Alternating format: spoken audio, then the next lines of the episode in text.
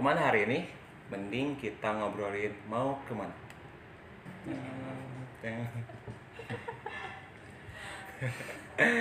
Ah, Oke, sekarang podcast sesi ini kita bakalan ngobrolin eh, ke salah satu kampus yang mungkin yang terbaik ya, Benar. benar kan? Yang Nah, terbaik. yang terbaik yang lima besar, Lima besar. lima Tiga besar malah. tiga besar malah. Oh. Dan ini adalah universitas atau kampus yang berada di Jawa Barat, Mhm. Jawa Barat, tapi bukan di Bandung. Iya benar benar. ya. Tapi di Bogor Iya. ya berarti eh, kita bakal ke IPB University. Benar banget. Nah, sekarang bareng gua nih Karadar. Nah, gua nggak bakal sendirian, gua bakal ditemenin sama temen eh, satu kampus sebenarnya. Iya. Ya, satu kampus.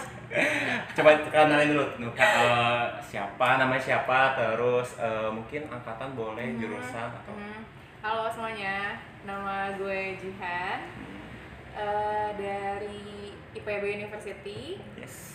Jurusannya Sains Komunikasi dan Pengembangan Masyarakat. Heeh. Terus angkatan 2016. 2016 ya. Ah. Kalau di eh, Kalau di IPB berarti angkatannya 53. 53. Ah. Oke. Oh, di PB ada nama, Nama angkatan nama angkatan. Ah. 53 itu kan beda banget ya Ah. sama yang mungkin universitas yang lainnya. Mm-mm. Itu 53 berarti mempresentasikan apa tuh, Kak? Oh maksudnya mempresentasikan umurnya IPB sih lebih kayak kita kan udah Oke. 23 tahun jadi aku angkatan ke 53 gitu Oh, jadi kalau misal tahun 2016 tadi ya? iya 2016 itu 53. Heeh. Karena kelahiran di 63 berarti ya? Iya. PB. iya PB kan 63 Iya, gitu. benar. Jadi eh, unik sendiri ya? Hmm, unik benar sendiri. banget. Tapi nggak bakal nyambung kalau misal kita ngobrol sama yang non IPB. ya nggak sih? Iya, iya. Jadi kita kita malah mikir kita eh, angkatan berapa gitu iya tahun iya 2000 benar berapa. Oke, nah itu IPB.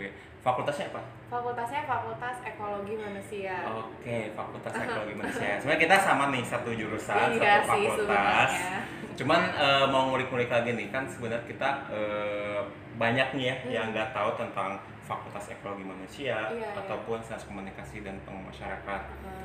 Kalau boleh dijelasin nih kak, eh, Fakultas Ekologi Manusia itu eh, itu fakultas yang apa sih gitu? Karena kan Mhm. orang-orang tuh mungkin eh, teman-teman yang nonton juga atau yang dengan podcast ini juga tahunya tuh fakultas eh, komunikasi Iya, atau benar. fakultas kedokteran. Nah, Hmm. ini beda sendiri nih fakultas manusia Hmm. gitu. Boleh jelasin nggak? Nah, jadi emang banyak yang nggak tahu tentang Fakultas Ekologi Manusia atau FEMA karena sebenarnya Hmm. FEMA itu adalah satu-satunya fakultas ekologi manusia di Indonesia. Oke, satu-satunya oke ya. Uh, dan hanya ada tiga di Asia Tenggara. Hmm. Uh, uh, jadi emang uh, aneh sendiri sih. Hmm. Kayak orang-orang bilang kan biasanya Fasilkom, Fakultas Hmm. uh, Ilmu Komunikasi ya. Padahal kalau Ilkom sendiri di IPB namanya Ilmu Komputer. Jadi Oh iya kita nggak bisa relate gitu Yes. sama apa yang orang-orang bilang. Nah, FEMA sendiri itu memang uh, sesuai namanya ekologi manusia. Jadi kita memang berfokus kepada manusia dan manusia itu um, masih dalam uh, gagasan IPB sebagai kampus pertanian. Jadi kita kayak salah satu penggerak pertanian itu kan manusia. Jadi kita juga harus membahas bagian manusianya dan itulah mengapa ada namanya FEMA. Oke, jadi FEMA itu adalah fakultas yang berhubungan dengan langsung ke manusianya Nah, gitu kan. Nah, Nah, di FEMA ini kan tadi ada jurusannya eh, SKPM. ada SKPM. SKPM itu ada, ada apa lagi? Ada dua lagi. Ada ilmu keluarga dan konsumen dan Mhm. ada ilmu gizi. Oke, eh, boleh dijelasin nggak eh, ilmu keluarga dan konsumen, gizi itu gimana? Ah, Oke, nah jadi kan di FEMA ada tiga nih. Mm-mm. Yang paling pertama kalau di FEMA karena yang paling paling terkenal Hmm. kalau udah dibilang ya di FEMA itu namanya ilmu gizi atau gizi masyarakat. Itu tuh adalah program studi kayak ilmu gizi yang seperti yang kalian atau orang-orang dengar. Cuma kita itu lebih ke ilmu gizi bagian kesehatan Mhm. sama kesehatan masyarakat. Jadi ilmu gizi dan kesmas. Makanya kita tuh nama departemennya uh, gizi masyarakat. Karena kita fokusnya biasanya kan kalau ilmu gizi itu emang gizi untuk manusianya aja.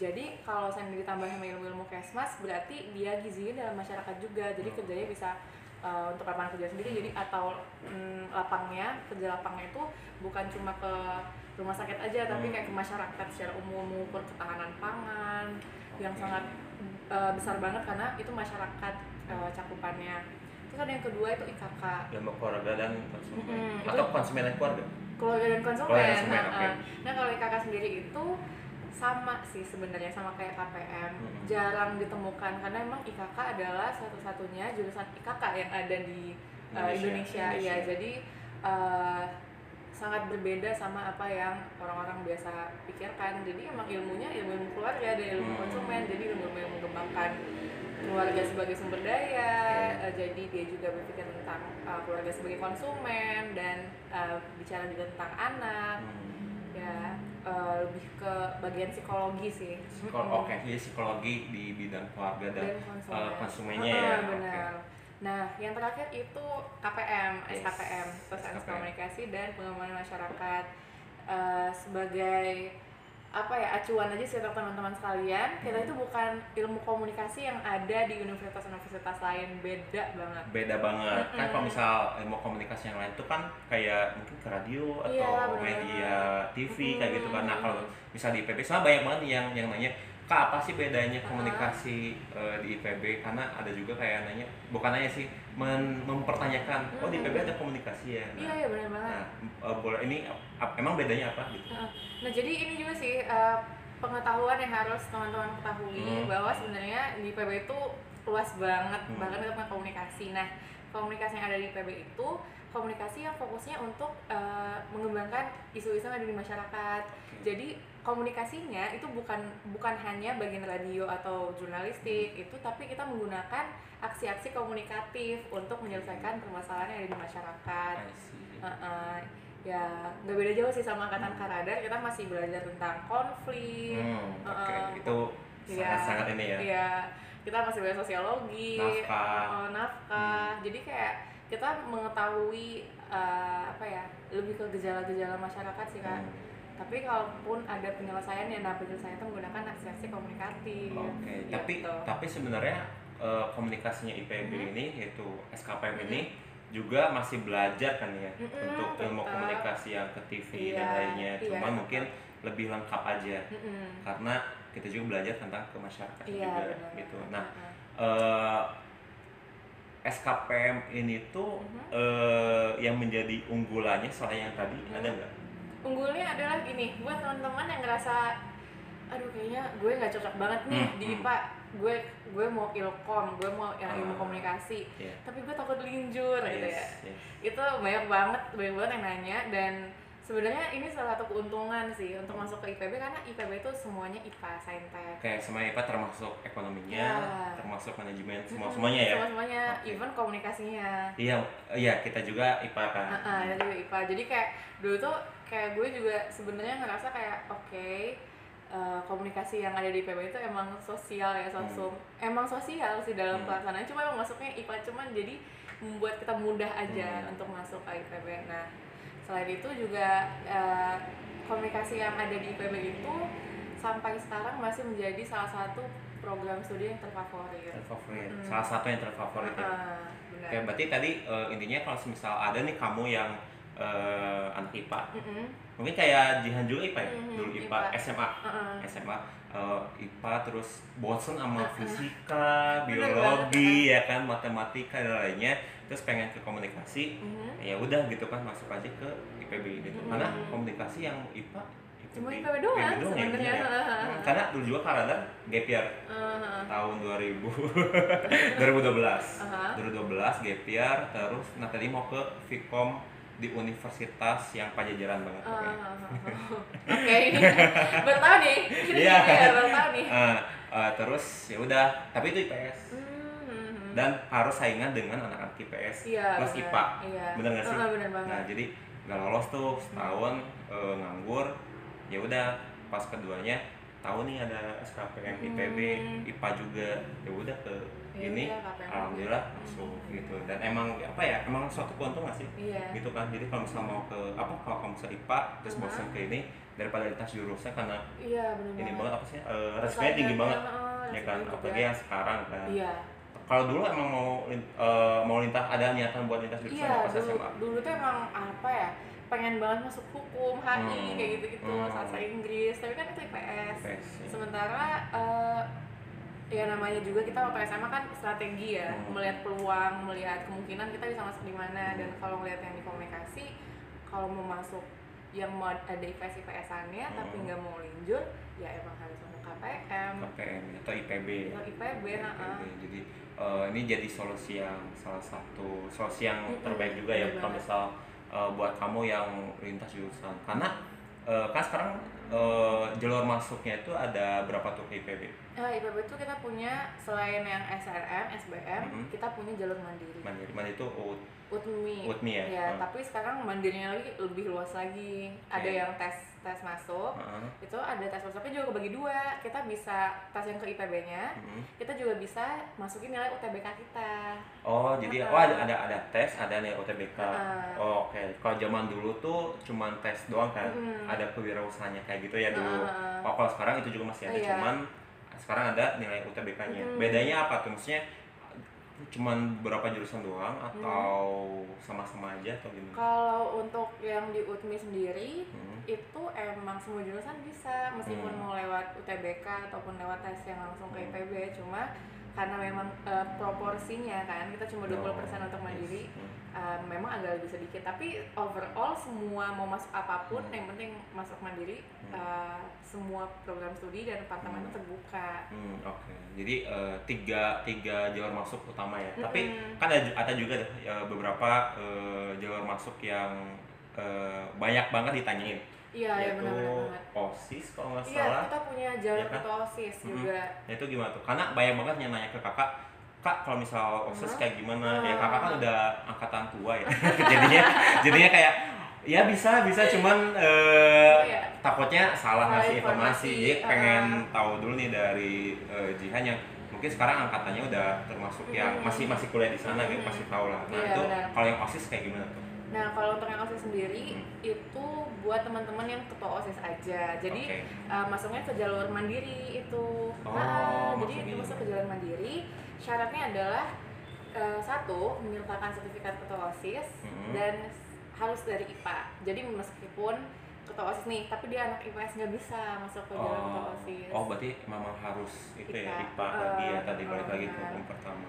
Iya. Itu dibukanya pas kapan tuh? Pas UTMI juga. Ah, masuknya pas Oh, UTMI sama. juga. ah, ah. Oh jadi pas UTMI itu emang banyak banget nih Iya, cabang-cabangnya. heeh. Oh. Jadi ada juga nanti misalnya kayak nanti pas udah dibuka di website, jadi kalau mau pendaftaran itu namanya admisi.ipb.ic.id itu semuanya ada semua dan nanti ada bagian penjelasannya tentang proses kapan dibuka, apa saja persyaratannya, apa disiapkan gitu. Oke, berarti eh, kan banyak tuh yang nanya kayak kak pelaksanaannya kapan? Pas awal-awal sebelum SMPTN Mhm. atau pas SPTN atau pas kapan? Karena eh, mungkin banyak orang yang taunya tuh ya itu SMPTN doang, Hmm, SBMPTN dan dan dari sekolah juga taunya itu doang kan, maksudnya Hmm. nggak nggak sampai spesifik. Iya, Berarti iya. itu pembukanya pada saat nanti mandiri. Iya, Oke, pas Hmm. dan itu yang dinilai apa? Nilai rapor. jatuhnya. Rapor. heeh. Oh, berarti kayak jalur SMPTN tapi kita khusus Untuk ketua OSIS. ketua OSIS. Itu porsinya?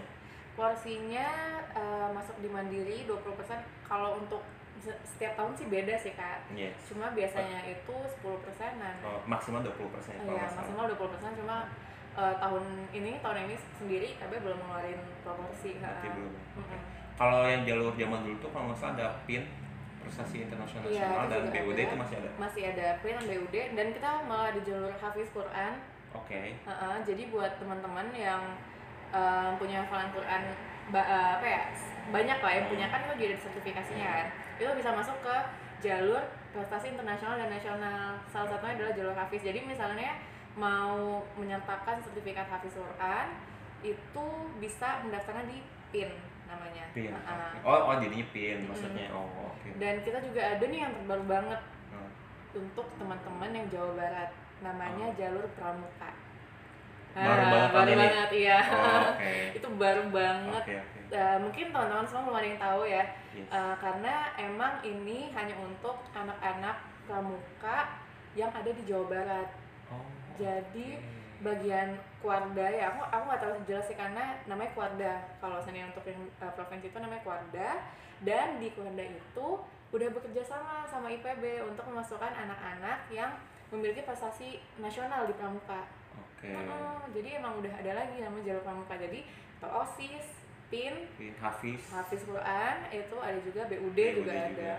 BUD masih ya kalau BUD itu apa Eh, itu kan utusan daerah ya Heeh, utusan daerah. itu gimana tuh sistemnya Nah, jadi sistematikanya kita tinggal mencari uh, perusahaan ataupun uh, bentuk pemerintahan daerah yang sedang memiliki mitra dengan IPB. Hmm. Nanti biasanya itu ada di daerah-daerah sih Kak untuk kayak kayak teman-teman aku tuh yang mendaftar BUD itu biasa dari dinas pendidikan Hmm. atau enggak di dinas uh, atau enggak ada perusahaan-perusahaan yang ada di daerah yang membutuhkan lulusan itu untuk kerja di sana. Hmm. Jadi nanti dia uh, mendaftar di mitra itu, mitra itu yang ngelaksanain tes, tesnya dari sana, Hmm. habis itu uh, baru keluar deh dia bisa masuk apa gitu. Oke, tapi, jadi- mm, tapi biasanya uh, mitranya sendiri sih yang udah nentuin butuh anak dari jurusan ini, Hmm. jurusan ini. Berarti itu intinya perusahaan yang sudah kerjasama dengan IPB pas lulus nanti kerja di sana. Iya kemungkinan besar karena kan besar. keinginannya beasiswa urusan daerah itu supaya putra putri terbaik daerah Hmm. kembali lagi membesarkan dan daerah. memajukan daerahnya Mm-mm, gitu kan. gitu. Oke, berarti banyak banget nih eh, jalur masuknya tadi. Aha. Aduh. Gimana? Karena dulu cuman lima itu juga kayak yang utama ya cuma tiga doang Iya, tadi. benar. Ternyata Ah. sekarang mandiri juga udah dipecah lagi. lagi, ha. Yang UTBK, yang UTMI, Mm-mm. yang tes lagi kan. Mm. Terus tadi yang Hafiz. Eh Hafiz kan prestasi ya? Prestasi. Prestasi. uh, Tadi yang masukin itu apa? OSIS ya? yang menjadi OSIS. OSIS. Terus yang prestasi itu tadi eh, apakah dia mau punya prestasi internasional Nasional, iya Hafiz itu. Iya, Kalau yang pramuka maksudnya ke PIN juga. Ma- pramuka itu jalur Atau baru. baru lagi, baru lagi. Baru lagi Oke. namanya pramuka.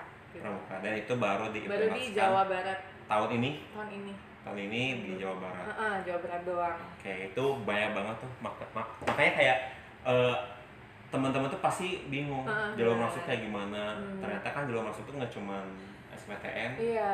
UTBK, SBPTN Hmm. gitu. Jadi yang lain juga bisa diperjuangkan benar gitu. Nah, benar. dan untuk mengubah stigma juga sih buat teman-teman sekalian bahwa uh, sekarang uh, pertanian itu udah luas banget Hmm. bukan cuma nanem hmm. iya cuma nanem Yes. doang terus ngejual udah itu namanya pertanian kan Iya. ba- banyak ada Banyak. ada apa ya istilahnya kayak on farm ada off farm Hmm. gitu ya Waduh, kuliah. kuliah lagi nih Kayak lagi. Eh, berarti ya emang kesulitannya IPB itu dari dulu adalah stigma iya hmm. eh, IPB itu adalah pertanian, pertanian itu cuma nanam. Iya ya benar kan? banget Karena pertanian itu kan luas tuh, bisa Heeh. baju kita juga pertanian. iya betul sekali teman-teman Yang kita makan pertanian, ya kan? Benar Iya, sih? iya, bener ya kan semuanya pertanian dan kita bisa hidup gara-gara pertanian Heeh, gitu. Mungkin emang stigmanya mau, mau diubah iya biar rebranding itu lebih bagus lagi Mhm. gitu. Jadi buat eh, teman-teman yang masih menganggap IPB itu pertanian, Hmm. Eh, semuanya kita bisa gitu menyesuaikan dengan kebutuhan Hmm. sekarang lah ya gitu Iya. ya. Jadi nggak nggak Heeh. kaku ya. Uh, apalagi sekarang kan uh, rektor kami uh, Hmm. IPB University yang Pak Arif Satria itu Hmm. udah mencanangkan namanya pertanian 4.0 Oke. Uh, uh, jadi pertaniannya itu bukan cuma hanya pertanian yang di sawah aja Hmm. ada pertanian secara teknologi ada juga uh, pertanian secara luas yang benar-benar semuanya itu uh, serba modern Hmm. Nah itu juga yang harus diubah karena sampai sekarang tuh uh, aku sering ketemu sama beberapa anak-anak kalau Hmm. bertanya eh menurut kalian pertanian apa iya kan sawah nyangkul panas ini ini aduh itu kan udah beda zaman Iya, ya udah beda zaman Uh, banget. jadi emang harus berubah stigmanya juga gitu Ya berarti Hmm. eh, untuk sekarang berarti ya sekarang jurusan udah banyak banget sekarang Iya. kan udah menyesuaikan juga jadi nggak cuma pertanian ya mungkin dulu emang pertanian toh Mm. dulu tuh dimulai dari fakultas apa sih kalau nggak salah pertanian pertanian ya Iya. pertanian dulu terus ke kedokteran hewan dan Ah, lainnya gitu iya. kan Eh, balik lagi nih sekarang ke KPM karena kita kan mau membedah jurusan sebenarnya Mhm. Eh, di KPM sendiri kan tadi udah di, diomongin ya kayak komunikasi itu beda banget nih Hmm. sama yang sekarang nah eh, apa aja sih yang harus disiapin sama teman-teman untuk belajar di KPM Uh, sebenarnya yang yang, yang harus disiapin dalam bentuk apa dulu nih Eh, apa ke mata pelajaran misalkan kayak eh, kalau misal fakultas kedokteran nih Uh-uh. aku anak IPA gue anak IPA disiapinnya adalah biologi sama kimia Hmm. gitu kalau KPM gimana kan dari anak IPA tuh berarti Uh-uh. kan beda banget tuh Iya, pas benar. masuknya tuh Uh. gimana tuh emang kebanyakan apakah sosiologinya Iya. atau Uh, uh, analisisnya atau ekonominya Sebenarnya kalau yang nanti kalau kita udah masuk KPM itu bener sih kata kakak sampai sekarang pun kita masih nguatin di sosiologi. oke sosiologi ya berarti Iya sosiologi. Dan uh, kemampuan uh, ini sih menulis karena Hmm. anak KPM sendiri nanti bakal banyak uh, disuruh bikin jurnal, Iya. disuruh bikin tulisan. Jadi keinget ya yang dulu iya ingat banget perjuangan Iya, perjuangannya Baca juga ya? Baca itu sih Baca, paling bener. penting sih baca. Jadi kita emang bener-bener uh, harus kuat sosiologi, Hmm. uh, komunikasi yang umum, dasar-dasar komunikasi, sama bagian menulis, Hmm. menulis, membaca itu penting banget sih. Eh, ya selalu ditanya nih kak apakah kalau mau ke masuk ke fakultas komunikasi atau ilmu komunikasi itu harus pintar ngomong Hmm, oke. Sebenarnya kalau untuk masalah pintar ngomong atau enggak itu balik lagi ke masing-masing sih. Hmm. Karena eh, seiring berjalannya waktu, karena di KPM itu kan kita pakai turun lapang ya kan. Iya. Jadi kita emang akan melatih kemampuan kita berkomunikasi cepat atau lambat. Eh, mau kita jago atau ngomong atau enggak, kita emang harus Hmm. bisa ngomong di depan banyak orang ataupun di Hmm. depan masyarakat. Jadi itu akan dilatih se- ya selama kita kuliah. Hmm, jadi jadi nggak tentu harus Mm-mm. pintar duluan kan Mm-mm. ya kita masuk ke sini pasti bakal pintar komunikasi lah ya iya nggak sih karena Pastilah. karena eh, apa sih kita nggak cuma di kelas aja Iya benar. Tadi banget. tiap semester kita turun lapang. Turun lapang. nah itu ngapain aja tuh kayak itu emang apa ya salah satu hal yang unik sih Iya. Iya nggak sih turun lapang tuh Ha-ha. nah turun lapang tuh apakah kita ke lapang pesawat atau gimana nah, Iya iya. Nah sebenarnya kalau mau dibilang lagi ke turun lapang ini luas banget sih karena Hmm. turun lapang sendiri itu adalah eh, salah satu kewajiban dari SKPM. hmm, hmm. Nah kenapa bisa? Karena kita tuh hampir semua mata kuliahnya itu emang wajib turun Hmm. lapang. Misalnya eh, karena kan kita namanya pengembangan masyarakat. Hmm. Itu wajib turun lapang dalam uh, maksud apa? Kita banyak menemukan banyak sekali contoh-contoh kasus kita belajar bareng masyarakat. Nah itu tuh berguna untuk kita ke depannya sih. Jadi emang wajib turun lapang. Turun lapang. Itu biasanya berapa hari? Tergantung ada yang 3 sampai 4 hari. Nanti biasanya uh, untuk selama ini ya kayak aku turun lapang untuk melihat misalnya konflik atau Hmm. aku melihat uh, sistem nafkah Hmm. yang ada di sana atau enggak aku melihat bentuk kolaborasi. Oh. Heeh, bentuk kita kayak menganalisa menganalisa apa yang apa gejala-gejala sosial yang ada di masyarakat Hmm. jadi yang turun lapangnya eh, banyak karena kan tiap semester ya kak wajib Iya, itu Heeh. tiap semester. Jadi pas kita ada KKN sebenarnya udah biasa aja. biasa banget Biasa banget ya kayak karena kita tinggal di rumah warga. iya Kita tinggal di rumah warga, kita ngobrol sama RT, RW, sama warga, tukang yang dagang warung ya kan, yang sawah juga, Iya, petani benar. juga. Jadi eh, ini tuh bener-bener komunikasi yang gak cuman belajar TV, ya benar tapi kita bener masyarakat. Jadi kayak papan ya apa sih kalangan atas Mm-mm, menengah oh, bawah juga iya. kita bakal tahu nih Mm-mm, eh, benar. permasalahannya gitu kan tapi kita juga ada turun lapang ke eh, DPR kayak gitu juga Hmm, sih benar ya kan karena eh, komunikasi itu kan sebenarnya KPM sendiri ya Hmm. untuk tahun ajaran baru Hmm. ini bakal kebagi menjadi tiga Hmm. fokus fokus Hmm. atau enggak kita bilangnya minor ya kan Oh, dulu kan kita ada iya. minor atau eh, peminatan selain jurusan kita Hmm. tapi sekarang itu SKPM udah menutup itu kak jadi oke tinggal emang benar-benar kita fokus ke KPM sendiri Oh. itu kebagi lagi jadi tiga oh dulu tuh kan minor itu AGH agronomi agronomi sama eh, kehutanan kehutanan kalau zaman kakak dulu ada satu lagi manaj- manajemen.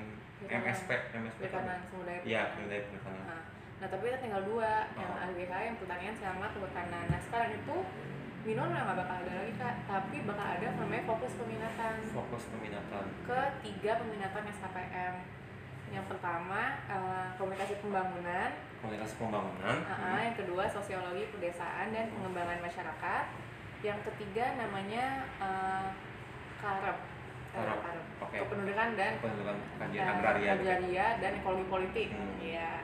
Nah, kalau misalnya nih kalau yang turun lapang turun lapangnya itu biasanya di bagian yang kedua nih yang Ya, SPPM. sosio- sosiologi pedesaan dan pengembangan masyarakat Ah, itu yang kita melihat kemiskinan, melihat konflik, sistem nafkah dan lain sebagainya. Nah, kalau seandainya yang bagian nih kalau kependudukan dan agraria juga kita masih bisa ke lapang yang masyarakat melihat apa sistem akses Hmm. lahan, kayak pertanian eh, apa sistem tenurial apa kayak gitu ya agak sedikit tinggi sih kata-katanya. Cuma itu bakal didalemin lagi dan ada namanya ekologi politik. Itu kita mempelajari politik-politik sumber daya alam Hmm. jadi kita eh, studi bandingnya tuh kayak ke biasanya ke DPR Hmm. komisi tujuh atau komisi lima atau komisi berapa ya komisi lima komisi lima itu nanti kita belajar tentang gimana mereka melakukan politisasi dalam sumber daya sumber daya alam sih. kayak ke kebijakan Heeh, keputusan kayak gitu ya. Jadi emang luas banget luas banget ya jadi kayak benar-benar hulu ke hilir dapat banget ya iya Oke. terus yang tadi komunikasi pembangunan Nah, komunikasi pembangunan itu bagian dari media siaran, advertising. Ah, itu yang oke, baru kita komunikasinya banget. yes Hmm. oke nah ada juga yang nanya sih eh, kerja Mm-mm. SKPM Hmm. untuk yang sekarang Hmm. itu bakal jadi apa apakah kerja di TV kah Mhm. atau di radio kah atau jadi apa Nah, ya. Nah, jadi karena kita bukan komunikasi aja, kita juga Hmm. pengenalan masyarakat itu sebenarnya luas banget sih, sangat banyak. Misalnya kita bisa kerja di TV ya, saya yang kakak bilang kan kayak TV jurnalis, Hmm. reporter dan lain sebagainya.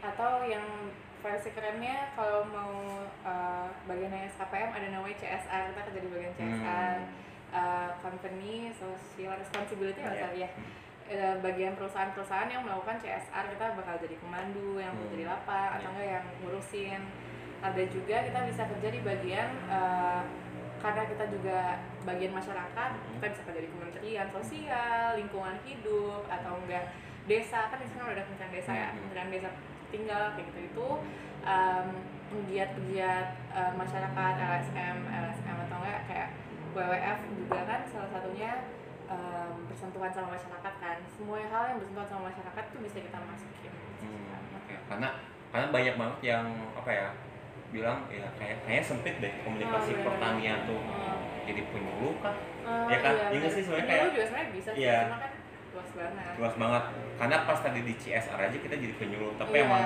bukan diartikan penyuluh yang yang dilihat ya Mhm. penyuluhnya itu lebih lebih ke arah apa ya dari perusahaannya langsung gitu kan Mhm. kayak ke bisa ke ibu-ibu Iya. ya kan ke bapak-bapak kayak gitu kayak menyuluhkan perusahaannya itu ada dampak sosialnya itu A Iya, sampai Z bener gitu kan ya itu gajinya gede-gede loh jadi jangan heran eh, kalau misal kamu bosan dengan kayak di lab atau gimana Heeh. ke KPM itu juga eh, nanti gajinya gede-gede juga Iya, karena bener.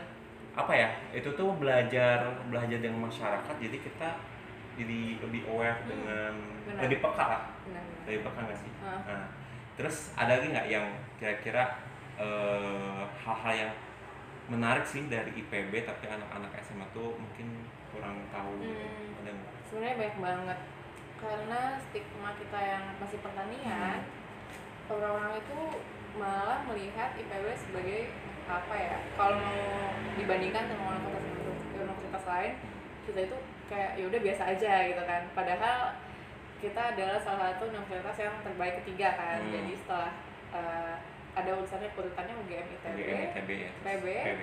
terus eh, aku nggak tahu sih ada UI ke bawahnya bawahnya gitu nah itu satu yang kedua ada kita itu selalu memberikan inovasi jadi kan kita suka dibilang sebagai kampus inovasi itu maksudnya apa jadi eh, 39% inovasi yang ada di Indonesia dari 100% inovasi Indonesia 39% itu dari IPB loh Nah, oleh dari berapa tadi?